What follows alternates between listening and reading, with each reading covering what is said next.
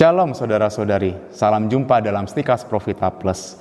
Kali ini kita akan bicara mengenai kekudusan.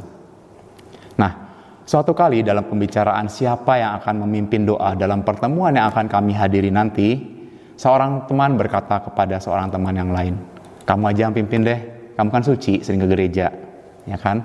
Nah, ada yang lebih seru lagi. Dalam pembicaraan lain lagi, seorang teman meledeklah, mengganggu, menggoda seorang teman yang baru mulai rajin pergi ke gereja. Dia bilang begini, wah sudah jadi orang suci nih. Lalu dia jawab dengan sinis, ah sorry lah ya, nggak usah sebut-sebut suci-suci. Lagian gue bukan orang aneh dan kepala gue kagak miring. Nah saudara, kekudusan atau kesucian bagi banyak orang itu sering diartikan sebagai orang yang sering pergi ke gereja, orang yang sering berdoa, orang yang sering baca kitab suci, atau apa pun aktivitas rohani yang lain. Ya ini masih positif kesannya kan. Nah kalau yang kedua itu kesannya negatif sekali kan. Bahwa orang suci atau orang kudus itu haruslah orang yang aneh atau freak. Nah coba kita sekarang kita akan perdalami. Nah, nah sekarang kita akan lihat apa kekudusan itu sebenarnya.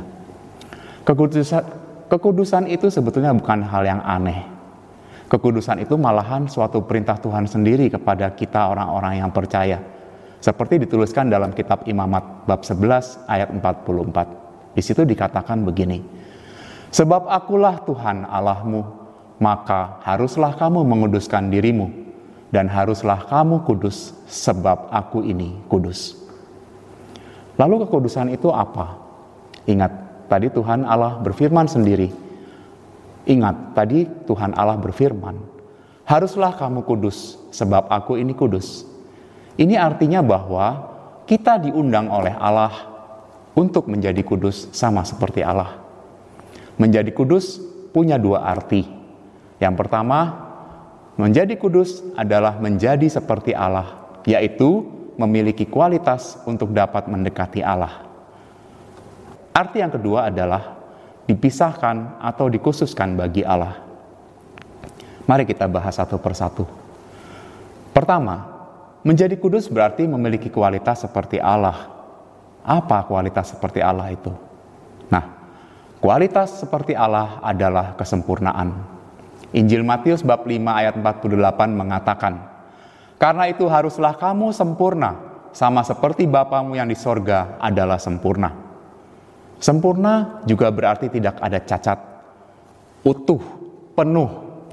Allah itu sempurna, utuh, penuh, tidak bercacat. Sementara dunia ini tidak sempurna. Oh.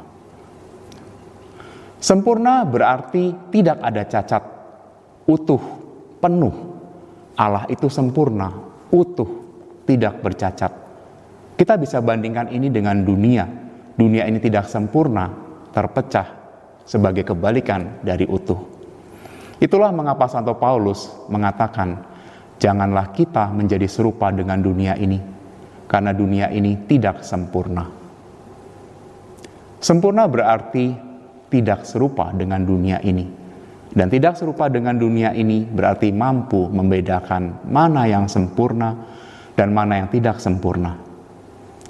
Kesempurnaan bagi kita berarti bisa membedakan mana yang menjadi kehendak Allah dan mana yang bukan. Lalu apa kehendak Allah? Kehendak Allah adalah supaya kita saling mengasihi. Karena Allah begitu penuh kasih dan mengasihi kita, maka sempurna seperti Allah adalah mampu mengasihi sesama dan mengasihi Allah. Nah, kesempurnaan Allah adalah kesempurnaan kasih. Karena kasihnya Allah memberikan Yesus Kristus kepada kita supaya kita dibebaskan dari segala dosa yang membawa kepada maut dan kematian. Yesus Kristus menjadi pendamaian bagi dosa-dosa kita sehingga kita tahu bahwa ada yang mengasihi kita. Ada yang tidak membiarkan kita sendirian apalagi sampai putus asa. Karena kita punya pengharapan. Coba senangkan kalau ada yang memperhatikan dan mengasihi kita. Nah, kesempurnaan, perhatian dan kasih ada dalam kesempurnaan Allah. Karena itu, menjadi kudus berarti memiliki kualitas Allah, yaitu sempurna dalam cinta kasih, sempurna dalam mengasihi Allah, mengasihi sesama, dan juga mengasihi diri sendiri. Kedua, tadi disebutkan menjadi kudus juga berarti dipisahkan atau dikhususkan bagi Allah. Nah, pengertian kedua ini yang mungkin dipahami secara keliru sehingga muncul anggapan bahwa orang suci atau orang kudus itu haruslah orang yang aneh-aneh. Mari kita bahas juga.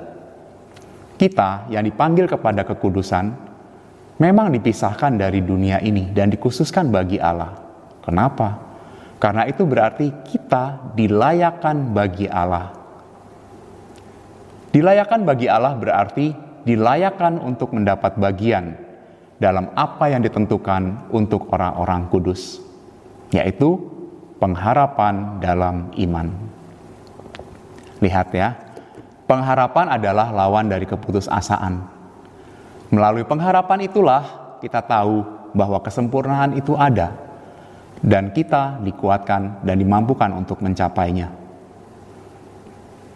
Makanya orang-orang kudus itu punya tanda.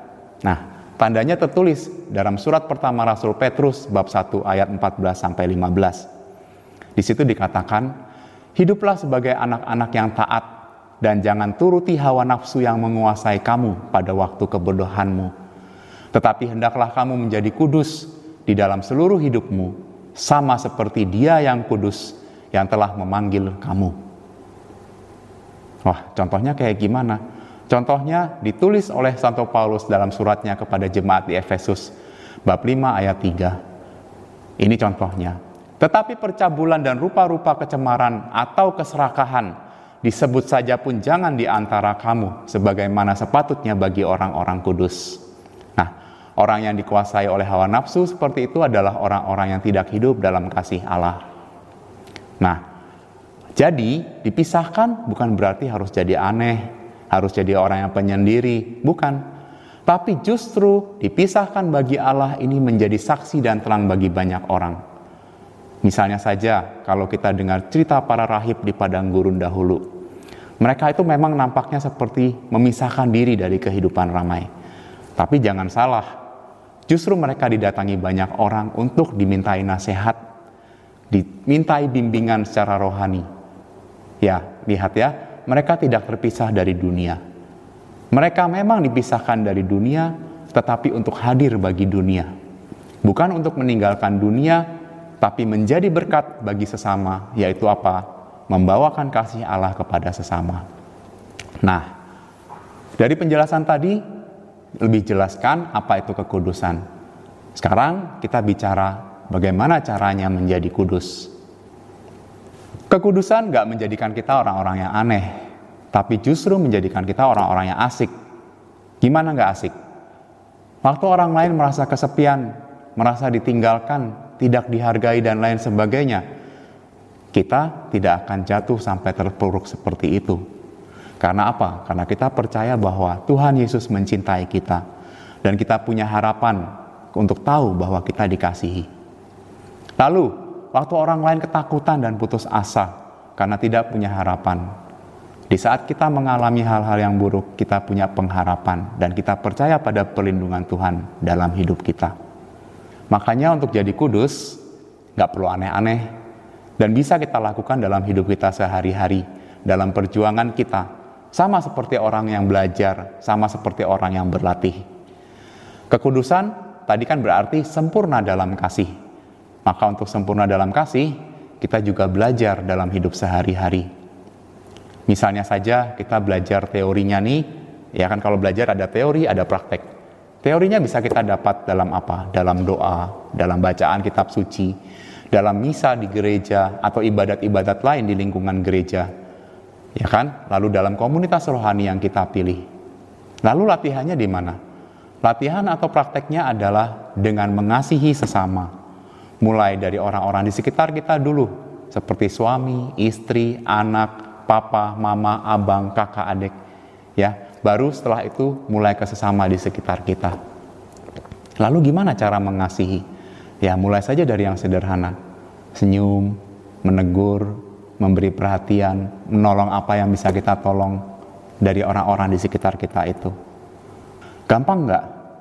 Ya, gampang-gampang susah kan? Susahnya apalagi kalau misalnya kalau suami mulai tidak peduli, istri mulai banyak menuntut, anak mulai tidak mau dinasehati, mulai melawan.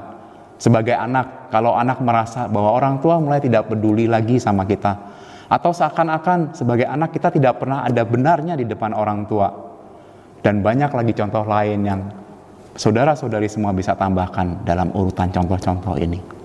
Kalau gitu gimana? Nah, ini dia serunya. Inilah latihannya. Ketika kita merasa tidak mampu mengasihi mereka karena alasan-alasan itu, inilah waktunya kita berteriak-teriak kepada Tuhan. Tapi bukan teriak-teriak di depan gereja ya. Ingat, berteriak di dalam doa. Berteriak juga bukan untuk marahin Tuhan, tapi untuk menangis, untuk mengeluh. Karena apa? Kita merasa berat dalam mengasihi dalam menghadapi penolakan mereka yang coba kita kasihi, dan juga dalam ketidaksudian kita untuk mengasihi orang yang menyusahkan hidup kita. Tapi setelah berkeluh kesah, jangan lupa minta bantuan Tuhan, minta kekuatan Tuhan untuk berani kembali menghadapi mereka dengan kasih. Bahasa rohaninya, minta rahmat Roh Kudus untuk memberi damai sukacita dalam hati kita dan memberi kekuatan kepada kita untuk kembali berjuang mengasihi mereka. Kalau masih gagal gimana? Ya kalau gagal ya doa lagi, berjuang lagi, masih gagal doa lagi, berjuang lagi, gagal lagi, berdoa lagi, berjuang lagi, terus menerus. Kita kejar semua itu sampai suatu saat kita tahu bahwa kita berhasil mengasihi bahwa kita berhasil mengasihi orang yang menyusahkan kita itu. Kita berhasil mengasihi orang yang tidak kita sukai itu.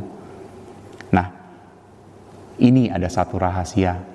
Kalau kita setia dan bertekun untuk berusaha mengasihi orang lain, betapapun sakitnya itu, betapapun sering kita gagal, tapi kita setia untuk terus berjuang di situ.